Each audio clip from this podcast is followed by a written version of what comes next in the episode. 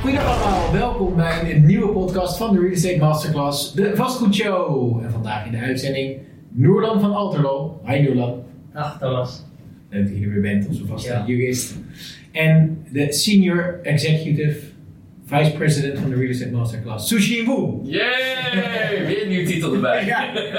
Dat lijkt de titelinflatie. En niet alleen inflatie eh, in het dagelijks maar ook in de titels. Precies, ja. MD, Managing Director, ja. Ja, precies. En je hebt ook senior vice president en Ja, senior vice president. Ik ben alleen geïnteresseerd in hoeveel die Mooi. Nee, leuk dat jullie er allebei zijn. Ehm, nou ja, ook omdat Noordan natuurlijk eh, is, dan gaat deze uitzending natuurlijk eh, een juridisch eh, randje krijgen. Of dat ik zou zeggen dat we hem volledig zo gaan inrichten. En ehm, nou, we vragen Noordan ook van, ja, weet je, waar wil je het graag over hebben? En nou, hij krijgt natuurlijk veel vragen van, van, van mensen die hier naar kijken, maar ook van cursisten van ons. En eigenlijk een van die vragen was eh, vaak van, ja, weet je, eh, wat is überhaupt een rechtszaak? Wat is het verschil tussen een bodemprocedure en een kort geding? Gewoon die basisdingen van wat is er nu eigenlijk mogelijk binnen de rechtspraak. Ja. Nou, dat willen we nog vaak over zeggen. Uh, brand los. Graag, ja. Eh, nou kijk, een, rechtszaak probeer je natuurlijk zoveel mogelijk te voorkomen. Dat eh, niemand gaat voor de loop procederen. Dat halen cliënten ook altijd af. En een, een goede deel is altijd beter dan een goed vonnis. Dan komen er onderling uit, geen conflict situatie. Duurt niet zo heel lang, duurt niet zo veel, het, het, het, neemt niet zo heel veel energie in beslag, heeft niet heel veel geld enzovoorts. Maar goed, soms ontkom je daar niet aan. Eh, dan moet je gewoon een rechtszaak gaan aanspannen. Stel dat je dus echt onderling niet uit kunt komen, dan eh, moet je dus, dan heb twee keuzes. Of je eh, de, de, doet hè, een bodemprocedure, direct en een bodemprocedure, dan, dan moet je er rekening mee houden dat je dus een dagvaarding moet opstellen. Mhm. Dat is een document waarin je in ieder geval op papier zet tegen wie je bezwaren hebt, wat je eisen zijn en wat je van die persoon of van het bedrijf eist enzovoorts.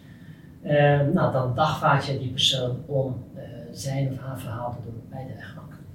Nou, die dagvaarding die kun je zelf opstellen. Als het een kantonzaak is, want dat heb je ook nog eens. Dan, en, en- en iets van eh, bij huurzaken en bij arbeidszaken.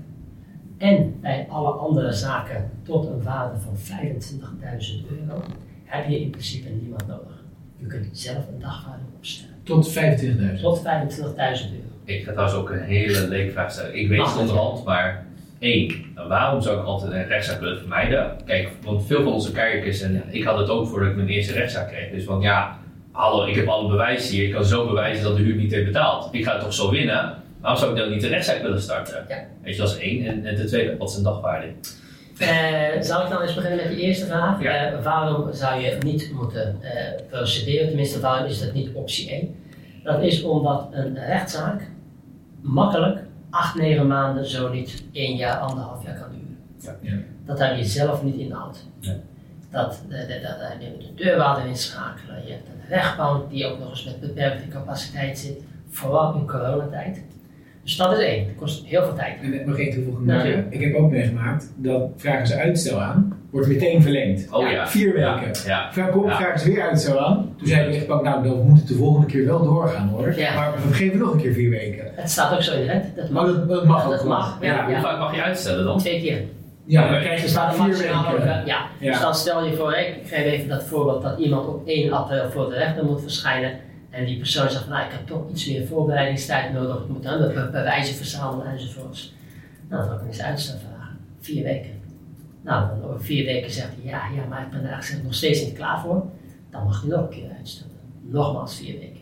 Maar ja, dan moet het ook echt worden ingediend. Dat Ja. is zwaar van de week. Dus het kost heel veel tijd. En dan heb je nog veel meer beperkingen. Dan kan het zijn dat er iemand ziek is, of dat er die dag eh, toch weer andere spoedzaak is bij de rechtbank, of dat er minder capaciteit is, waardoor de rechtbank op eigen initiatief de zaak nog meer gaat vertragen. Er kunnen dus verschillende eh, problemen ontstaan. Het kost dus heel veel tijd, samengevat. Twee, het kost veel geld. Want ik gaf natuurlijk net de optie aan van hè, als het een kantonzaak is, dus de, de huurzaak, arbeidszaak of andere geschillen die een waarde hebben tot 25.000 euro. Dat zou je dan zelf kunnen doen. Dat zou theoretisch mogelijk zijn. Alleen dan moet je ook heel goed de termijn in de gaten houden. En als leek is het lastig om van alle termijnen en formaliteiten op de hoogte te zijn. Dan moet je rechtspraak.nl echt van begin tot einde lezen, wil je dit ook echt helemaal goed snappen. En dat kost ook veel tijd. En wat is een kantonrechter? En je hebt dus eh, een kantonrechter, dat is een, een, een- gewoon een rechtbank is dat. Dus Ja. dat is niet een lagere of een hogere rechtbank. Dat is gewoon een rechter. En die doet dus de, schrijft uiteindelijk ook een vonnis, wat ten uitvoer gelegd kan worden. Maar een kantonrechter is dus eigenlijk een rechter die eh, in het leven is geroepen om rechtszaken laagdrempeliger te maken. Zodat je niet voor elke zaak een advocaat of wat dan ook nodig hebt. Dat je zelf als burger kunt zeggen van hé, hey, wij hebben een geschil, ik ga sushi in dagvaarden. Ik ben geen jurist, geen advocaat, helemaal niks. Ik eh, wil het zelf gaan doen. Nou, dat kan dus. Dat is een kantonzaak. Oké, tot 25.000 Tot 50.000 euro, ja. En in huurzaken maakt het niet uit. hè. Dan mag het ook 100, 200, 500.000 zijn. Dus in huurzaken en arbeidszaken is het onbeperkt, kantoorzaak. Dus dan kun je het altijd zelf procederen. En in eh, geval van gewoon een incassozaak, niet zijnde eh huurzaak, bijvoorbeeld dat je, ik heb een telefoon van je gekocht, maar ik heb het niet betaald, dan moet, je, moet ik je 2000 euro betalen. Nou, dan eh, kun je de dagwaarde zetten. En daarvoor moet je ook naar de kantoor weg. Helder.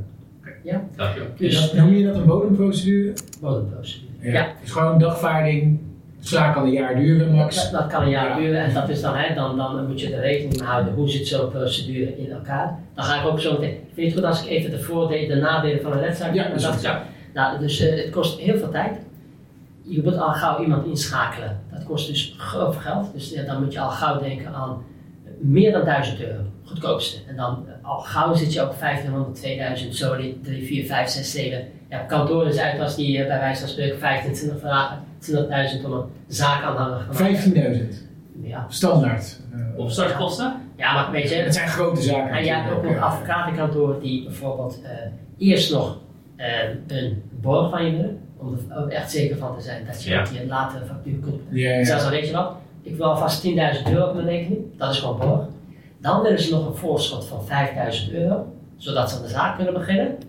Dan- heb je eigenlijk nog geen, geen woord op papier, maar je bent al 15.000 eh, eh, eh, kwijt. En dan kun je nog een andere factuur eh, krijgen. Dus wat ik eigenlijk hiermee wil zeggen, de clue van het verhaal is, het kan je heel veel geld kosten. Weet dat in ieder geval wel. En niet te vergeten, heel veel energie. Want met het opstellen van een dagwaarding ben je nog niet. Dan heb je de dagwaarding opgesteld, dan gaat de wederpartij daarop reageren. Meestal is er dan nog een tweede schriftelijke ronde. Dan moet jij weer gaan reageren op het verhaal van de wederpartij. Nou, die gaat daar dan weer op reageren. Dan kan er nog een zitting volgen. Dan moet je nog een pleitnota gaan voorbereiden. Dan moet je alle bewijzen verzamelen. Je moet tijdig alle stukken naar de rechtbank verzenden enzovoorts. En dan heb je natuurlijk de dag van de rechtszaak zelf. Dan ga je naar de rechter en dan moet je verhaal doen. Nou, dat kan makkelijk anderhalf, twee uur duren. En dan kom je eruit en weet je nog steeds niet of je de zaak nou gaat winnen of verliezen. Soms hebben we wel een gevoel natuurlijk hè, van op basis van de gang van zaken. Dus dat is dan het vierde punt, onzekerheid. Ja. Je bent overtuigd van je gelijk. Je, bent, je weet bijna zeker dat je gelijk hebt. Maar ja, je hebt er weer een rechter die daar zonder emotie en heel objectief naar kijkt. En nou ja, dan weet je ook niet of je de zaak zult gaan winnen of verliezen. Dus op basis van deze vier punten, tijd, geld, energie, onzekerheid, raad ik mensen af om eh, direct een rechtszaak te starten. Duidelijk eh, verhaal, eh, Roland. En dan de bodemprocedure. Van, nou, hoe zit het met, met de bodemprocedure? Ehm, je kunt dus, dan, dan, dan moet je dus iemand gaan dagvaarden. En, eh, ja, en, en dan ben je, ben je voor de rest afhankelijk van wat die persoon te zeggen heeft. Mhm. Gaat die persoon geen verweer voeren, dan krijg je een vonnis. Dat heet even, gaan die vakje gewoon gebruiken, het heet een verstekvonnis. Dat is niets anders dan dat de rechter zegt van, hey, je hebt vijf eisen gesteld. Van wat je, wat jij wilde dat ik als rechter die eh, inwilligde. Nou, de wederpartij heeft er geen verweer op eh, gegeven. Dus eh, je eisen eh, ga ik inwilligen. Dat is in principe dus zonder dat er verweer is, ga je, ga je al je eisen ingewilligd worden. Tenzij er eisen zijn die in strijd zijn met de wet, of tenzij er eisen zijn waarbij je bijvoorbeeld een verkeerde berekening hebt gemaakt. Dat je bijvoorbeeld 2000 euro voor advocaatkosten of juridische kosten in rekening brengt, terwijl een, de rechtbank een tabel gebruikt waar je maximaal 500 kunt gebruiken. En stel nu dat ik een eh sushi een dagvaard, dat Ja. ik zeg dat ik 100.000 euro van krijg. Hij, de brieven, hij vergeet ze te openen. Eh, ik noem maar wat, hij komt niet opdagen. Zijn verantwoordelijkheid. Dan zou het kunnen zijn dat de rechter zegt, nou, ik heb hier een eis van Thomas dat hij een ton wil van sushi. Hij heeft geen verweer gevoerd. Ik ga hem toezeggen. Dan Nu krijg ga ik, ja. Want als ik Thomas Compact klagen met 100.000 euro. Voor valse claims. Maar ik ga van ook een schadevergoeding krijgen, of niet? Nee. En ben jullie theoretisch, eh, theoretisch Ja. gezien moet je geen verweer... Kijk, als, je, al, al zou je maar één briefje geschreven hebben met van het document is niet correct en eh, nou ja, het is een valse claim, dan zou de Nou, rechter... stel, stel Sushin komt niet opdagen. Ja. Maar hij heeft, hij heeft ook nooit de brief, want hij was twee weken op Bahamas. Ja. Aan het eind bijvoorbeeld. Ik ben visumvrij, zit in eh, Ja, of- Bali of zo, ja, weet je ja, wel, ja. ja. Dan staat je gewoon even aan het eh, genieten bent en dan eh, zegt de rechtbank, dan staat de rechtbank op de, zaak, op de zaakdag zelf zegt van oké, ik heb geen verweer gezien, dus dan ga ik verstekvonnis wijzen. eh, wijzen. En dat verstekvonnis, die brief, gaat dus eerst naar Sushin toe. Van hé, hey, je bent niet komen opdagen, binnen zoveel weken komt er een vonnis. Dan heb je nog de tijd, voordat het vonnis gewezen is, ga dan weer een vakwerk gewoon Dat gebruiken. Sorry daarvoor. gezuiverd. Juist, ja. Ja, ja, dan ga je ja. verstrekt zuiveren, heet dat. Ja. Ja. En dat betekent dus dat je dus alsnog moet gaan uitleggen als een malle waarom je niet bent komen opdagen Ja. op de zaak, waarom je geen verweer hebt kunnen voeren. En dat je toch wel verweer wilt voeren. Mhm. Dan wil de rechtbank jou nog een aantal weken de tijd geven om alsnog verweer te voeren. Zelfs als je dus twee keer uitstel gevraagd van vier weken. Eh, nee, dat is dus ah, in geval van verstekvonnis. Oké. Ja, dus in geval van verstekvonnis. Dan is is er geen uitstel geweest. Ja, dus dan ben je niet komen opdagen. Ja. En dan kun je dus alsnog zeggen van hé, hey, rechter, mag ik toch nog verweer voeren, want de dagvaarding is op mij voorbij gegaan, ik was op vakantie, ik had een begrafenis, en noem maar op. Ja. En tegen. Nou, wat jij zegt trouwens, als je, als je al hebt uitgesteld, dan heb je dus kennis van de, van de datum. Nou, Nou, goed, Dan, ja. kan je nooit, dan zou je is misschien heel moeilijk nog kunnen waar. Dat is waar. Dat is punt, Je kunt het nog altijd proberen, maar goed, dan is het uiteindelijk de rechter ook die daar een oordeel over moet eh, geven. Maar ja, dus dat, dat kan alsnog. Maar, eh, en ik zeg niet dat je dan 1-0 achter staat. Nee. Maar ehm, ja, dan eh, moet je wel gaan bewijzen. Ja, En ja. moet je ook wel echt, echt met bewijzen gaan komen waarom jij vindt dat Thomas niet gelijk heeft. Helder. Oké.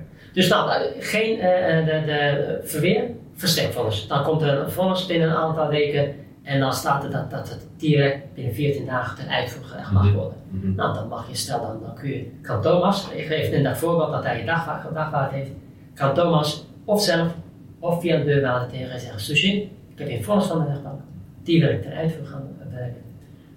Betaal mij maar 100.000 euro binnen 14 dagen. Mhm. Je kunt het betalen, dan is het opgelost. Mhm. Je kunt een regeling afspreken met elkaar, dat je maandelijks 20.000 betaalt. Of je zegt, eh, je bekijkt het maar. Mhm. Nou, dan kan Thomas op basis van het vonnis, dat 20 jaar geldig is, kan hij beslag gaan leggen. Derde beslag op de bankrekening bijvoorbeeld. Beslag op je woning. Beslag op je auto. Beslag op een hele mooie ring van je. Wat ik Zaak. vroeger bedoelde met dat, is er ook nog wat, stel nou dat ik 5000 euro van iemand krijg, maar hij reageert niet, Mhm. ik kan een bankbeslag leggen, nou, er staat niks op, maar hij heeft wel een woning op zijn naam staan, Ja. van 2 ton. Ja. Is het dan niet een beetje overdreven om een beslag op de woning te leggen voor die 5000, of kan dat wel? Dat kan wel. Oké, dat, dat maakt dus niet uit, dan is het in principe een 10 euro. En wat er dan eh, gebeurt is dat, eh, dan moet je natuurlijk kijken, wil je wat zeggen? Ja, als je het woning op beslag neemt, hè, de, de proporties van 5000 tot 200.000 euro, wat gebeurt dan eigenlijk? Ga ik, mag ik dan Die woning verkopen Precies, voor precies, ja. dat is eigenlijk, kan diegene heel veel schade van krijgen. Precies. Als hij die 5000 niet betaalt, Ja. dat zijn woning op een veiling dan misschien voor onder de marktprijs Wat verkocht er dan gebeurt is dat je allereerst moet kijken, eh, rust de hypotheekrecht ook of niet? Ja. Vaak wel in Nederland, ja. Als de hypotheekrecht oprusten, dan wil de bank, of de, de, ik wil niet de bank zijn, de, de, de geldverstrekker, Ja. die wil dan, degene die hypotheek heeft, die wil dan de, eh, het vonnis zelf gaan executeren. Die neemt het dan op zich. Ah. Die zegt, ik heb de hypotheekrecht op, dus dan gaan we de, de, de, de, de, ja, de woning executeren, de verkopen, de executieverkoop. Dat levert sowieso wat minder op dan een normale verkoop, Ja, ja, is een executieverkoop. En eh, dan moet je natuurlijk ook gaan kijken van nou, hoeveel schulden heeft die persoon nog aan de geldverstrekker. En eh, blijft er daarna nog geld voor je over? Meestal is dat wel het geval, vooral in een zaak van 5000 euro. Eh, nou, dan gaat de bank, die neemt meestal het voortouw. Executie, bank pakt zijn eigen schuld, of het eigen, eigen deel. Jij krijgt jouw deel. Ja, het is natuurlijk niet alleen die twee- 5000, hè. Maar jij hebt ook nog eens daarna. Ja, deurwaarderskosten, ja. Ja, je kent het. Ja. Dus dan komt het allemaal erbovenop. En dan heb je ook nog eens executiekosten. Wat, hè, de, de, want dat is meestal voor de bank dan, in, in, in het voorbeeld wat ik zojuist gaf. En ja, dan raakt die persoon heel leurig ook is dan dakloos. Maar kan ik eh, kan diegene het nog omdraaien? Stel bijvoorbeeld, hij zegt de hele tijd, eh, nou, eh, ik zat er, nee, ik zei natuurlijk, eh, ik ga niet meewerken. Ehm, en eh, in één keer ziet hij, krijgt hij een brief, beslag op mijn huis. Shit, denkt hij, ik heb het te ver laten komen. Dat kan alsnog. Joh, kan je dan nog opbellen en zeggen, joh, ik wil alsnog die 5000 Ja. betalen? Gebeurt in de praktijk nog regelmatig. Ja, Maar dan eh, zou jij in dit geval al minder geneigd zijn om dan zijn verhaal of naar zijn redenen te luisteren. Ja, natuurlijk.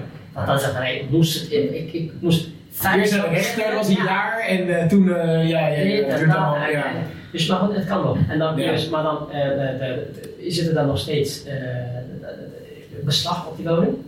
Dus dan hoef je dat beslag ook niet op te heffen. Dan gaat die woning ook, dan kan hij die woning ook niet verkopen aan niemand overdragen. Dus dan heb je de woning zelfs dan niet verkocht. Maar hij, hij kan de, zelf, de, de woning zelf ook niet verkopen. Oké, maar als hij die 5000 betaalt, moet dat beslag eraf. Dat moet het dragen. Ja, ja, ja. Dus dan, dan Ja, Maar ik vind het wel interessant dat eigenlijk dus de hypotheekverstrekker eigenlijk dan grappig genoeg eigenlijk aan jouw kant staat om het huis te verkopen. Ja, want die weet dan ook dat er dus blijkbaar nog een schuldeiser is. Ja, En dat, het, dat de schuldeiser hetzelfde huis ook op het oog heeft, ja. waar hij zelf hypotheek ja, ze hebben eerst hun geld terug. Ja, maar nou, wacht even. Ja. Wij het, eh, de voortuin, laten wij dus het initiatief nemen om alles in goede banen te. Ik kijk even naar Thomas, maar ik zou heel graag eigenlijk willen weten hoe je dat zo'n trekding gaat. Nee, dat bij huis. Maar dat voor mij is dat. Nee, maar ik bedoel er meer van. Mhm. Stel dat we nou echt beslag zouden laten leggen op iemand die gewoon eh, eh, 5000 euro schuld staat. Dan wordt de bank geïnformeerd vaak, hè, dat is een hypotheekverstrekker. Ja. Ik ben benieuwd hoe het proces dan wel eruit ziet. Heb je daar wel eens ervaring over mee gehad of niet? Ja, wat, wat de bank vervolgens doet, want dat word je al eh, in het voorbeeld van, ik, ik neem even een bank X en, en Sushin is de geldeiser en jij bent de debiteur in dit voorbeeld. Ja, het even overzichtelijk maken. En ze, de, de, jij hebt zijn factuur niet betaald, maar hij gaat ook nog eens beslag leggen op je woning. En jij hebt dan, dat heet dan executoriaal beslag, Ja. voor je beeld van weer een duur woord. Dan mag je dus ook de woning gaan verkopen met Ja. de vonnis in handen. Maar dan zegt de bank X, die zegt van, Thomas, je hebt een voordeel nog met hem. Ik neem de voordeel over.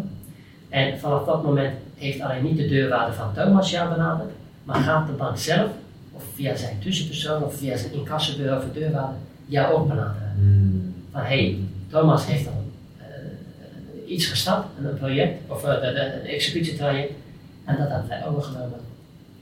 Wat ga je doen, meneer? Wat gaan we doen? Wil je betalen? Of gaan we toch over tot ex- eh, de executie? En is dat een snel traject, weet je dat of niet? Dan moet je heel snel gaan schakelen. Want dan Ah. bezig krijgen dan x aantal weken de tijd. Weken. Ja, na een week in die zin, hè, want dan zijn ze, gaan ze al met, met- beginnen met werkzaamheden en dan ontstaan er ook al kosten. Oh ja. Dus de 5000 is al verhoogd met andere kosten en de bank komt ook nog eens met eigen kosten.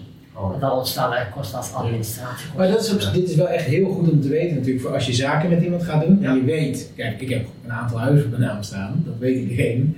Dat loop ik altijd te verkondigen. Ja. Dus als je, mij, maar als je met mij zaken zou doen en ik betaal niet, dan is er bij mij wat te halen. Ja. Want ik heb dingen op mijn naam staan waar je beslag op kan laten leggen. En dat is dus ook goed voor mij eventueel als ik met iemand anders zaken doe. Tenzij je zaken doet als PV. Ja, dat is waar. Dus, eh, Maar als je mismanagement doet, kun je toch alsnog privé Ja, als Dus je, dat dan? ja, dat kan. Eh, dat even nog een zijstap daarna, eh, dat kan dus nog steeds, ja. Alleen dan moet de ander, dus eh, dat heet dan bestuursafspraken kijken. Ja, Dat je dus bewust bijvoorbeeld of geld hebt weggesluist of wat dan ook. Dan moeten we echt wat aan de hand zijn. ja, Want anders slaat het hele idee van een PV op nergens Nee. Als je daar altijd een druk op kunt doen. Ja, ja, dan moet de andere partij het natuurlijk ook echt weer aantonen, wat ook heel moeilijk is. Ja, ja, ja. Ja, ja, precies. Oké. En dat, dat is een beetje het idee. Dus dat is even in het kort waarom je kan geven van hey, dit, kost, dit is een kostbaar, duur project, langdurig project, enzovoorts. Dus als je zelf een deel kunt sluiten, sluit een deel. Ja. Want alles, stel in het voor, want nu in dit geval had, had Sushi een woning, stel dat Sushi geen woning heeft, geen inkomen enzovoort. Dan uh, Dan je je- ja, want dan heb je nog een 5000 plus nog 2, 3, 4000 euro andere kosten. Ja, dan, Ja. Ja. Maar wat als in zijn 100.000 euro, dan voor 30.000 euro eigenlijk hij niet mocht claimen, omdat hij vond dat ik dit hiervoor moest boeten wegens. Maar dan zou je het vonnis toch wel Als je, dat voor, als je geen verweer hebt gevoerd, dan eh, gaat de rechter mee in zijn verhaal. Je kunt natuurlijk nog altijd een hoger beroep. Dat is de volgende stap. ja, dat is waar. Maar- zo traject. Maar in, dan als ze- de, de, Thomas een vonnis handen heeft, Ja. dan gaat hij natuurlijk ook aangeven van, hè, dat uitvoert Ja. bij, bij voorraad. Dus dat hij dat, dat direct kan uitvoeren. Maar, Je kunt dan een hoger beroep, maar dat zal geen effect hebben. Nee. Dan moet jij hem eerst die 100k betalen. Als je een hoger beroep gelijk heeft, dan moet jij moet hij jou die 100k en al die ja, uitgaven. en ik begreep ook wel van dat een, recht, een hoger beroeprechter, als ik het zo even noem, dat die ook wel eerder geneigd zijn om het van de eh, collega, het eerste vonnis, om dat toch wel te volgen. En dat, dat er wel echt heel veel dingen anders moeten zijn, willen ze ineens zeggen van, ik, eh, ik ga toch mee met de Ja, tegenpartij. je moet niet op, in, in emotie zeggen van oh, ik ga een hoger beroep. Dat Ja. wordt natuurlijk heel vaak gezegd. Ja. Puntje bij paaltje gaan er heel weinig mensen een hoger beroep. Dat ten Ja. eerste. En ten tweede zo'n raadsheer inderdaad, hè, dus de, de rechter van, van het Hoge Rechtshof. En er zijn natuurlijk genoeg, rechtszaken waarbij de raadsheer de zaak alsnog anders zit dan de lagere rechter. Ja. Maar ja, nee, maar vaak heeft de rechter niet voor niets zo'n uitspraak. Precies, ja. Dus je moet wel of anders zeggen van nee, dit is echt een fout van de rechter. Of je moet zeggen van wij hebben bewijzen die wij niet Nieuwe hebben bewijzen. Ja, Ja, oké. ja, ja, ja. Dus dat is het verhaal. Dus dat is een bodemprocedure. hè? Ja. Eh, En in het kort dan nog de kort gedingprocedure. Oh ja, Voor veel mensen hè, die, die, die dan aangeven van hé, hey, bodemprocedure dat duurt veel te lang, kunnen we het niet korter doen? Zeg ik nee, welkom bij de rechtbankwereld. En je, er is nog een mogelijkheid, dat heet dan een kort gedingprocedure. Ja. Dat is als, als je, hè, dat dan duurt, kan het een en ander binnen een aantal weken afgerond zijn. Dan is de eerste reactie van wat ik altijd hoor, ja laatst toen ik ben bereid om duizend meer te betalen. Ik zeg nee, maar daarvoor moet je weer een eisen plan hebben. Je kunt een, een, een Shakespeare aan boekwerk, aan, aan, aan dagvaarding kun je gaan opstellen. Als je geen spoedeisend plan hebt, dan gaat de rechter niet naar de overige 600 pagina's kijken. En, en wat is een spoedeisend belang vanuit een juridisch perspectief? Spoedeisend belang is dat het belang zodanig is Ja. dat je een bodemprocedure van 8 maanden, 9 maanden of een jaar niet kunt afwachten. Heb je een paar voorkomende voorbeelden? Ik heb bijvoorbeeld een eh, voorbeeld om in, in het eh, geval van, van, eh, de, van huur te blijven bijvoorbeeld, Ja. dat iemand al, ik zeg maar, vijf maanden geen huur heeft betaald. Ja. Het huurcontract is tot een einde gekomen en eh, jij hebt al, ook al een nieuwe huurder die gebruik zou willen maken van de woning en die er ook nog eens voor kan betalen. Dan heb je natuurlijk al een aantal feiten waarmee je kunt zeggen van hé, eh, ja, en, en, en je hebt als eigenaar ook nog eens financiële problemen. Ja. Dat je zegt van hé, ik ben afhankelijk van de inkomsten. Nou, die omstandigheden bij elkaar, vooral dat, dat aspect van financiële problemen, Ja. Dan moet je natuurlijk ook aantonen dat je financiële problemen hebt. Dus dan moet je aanmaningen, herinneringen enzovoorts indienen bij de rechtbank, zodat je hem kunt overtuigen. Nou, in dat geval kun je dus, zou ik zeggen dat er sprake is van spoedeisend belang. En dan zou ik gewoon 99% de gok vragen om de rechtszaak aan te gaan. Helder. En dan heb je dus een, een, een, een, eh, met het spoedeisend belang is het wel zo, dus dat je die, dat, je hebt wel heel snel resultaat, maar dat heet dan wel dat je een voorlopige maatregel hebt, zoals dat heet. Dus, dus geen definitieve maatregel. Het is een voorlopige maatregel. Dus daarmee zou je in het voorbeeld van de huurzaak, kun je wel overgaan tot ontruiming Ja. van de woning.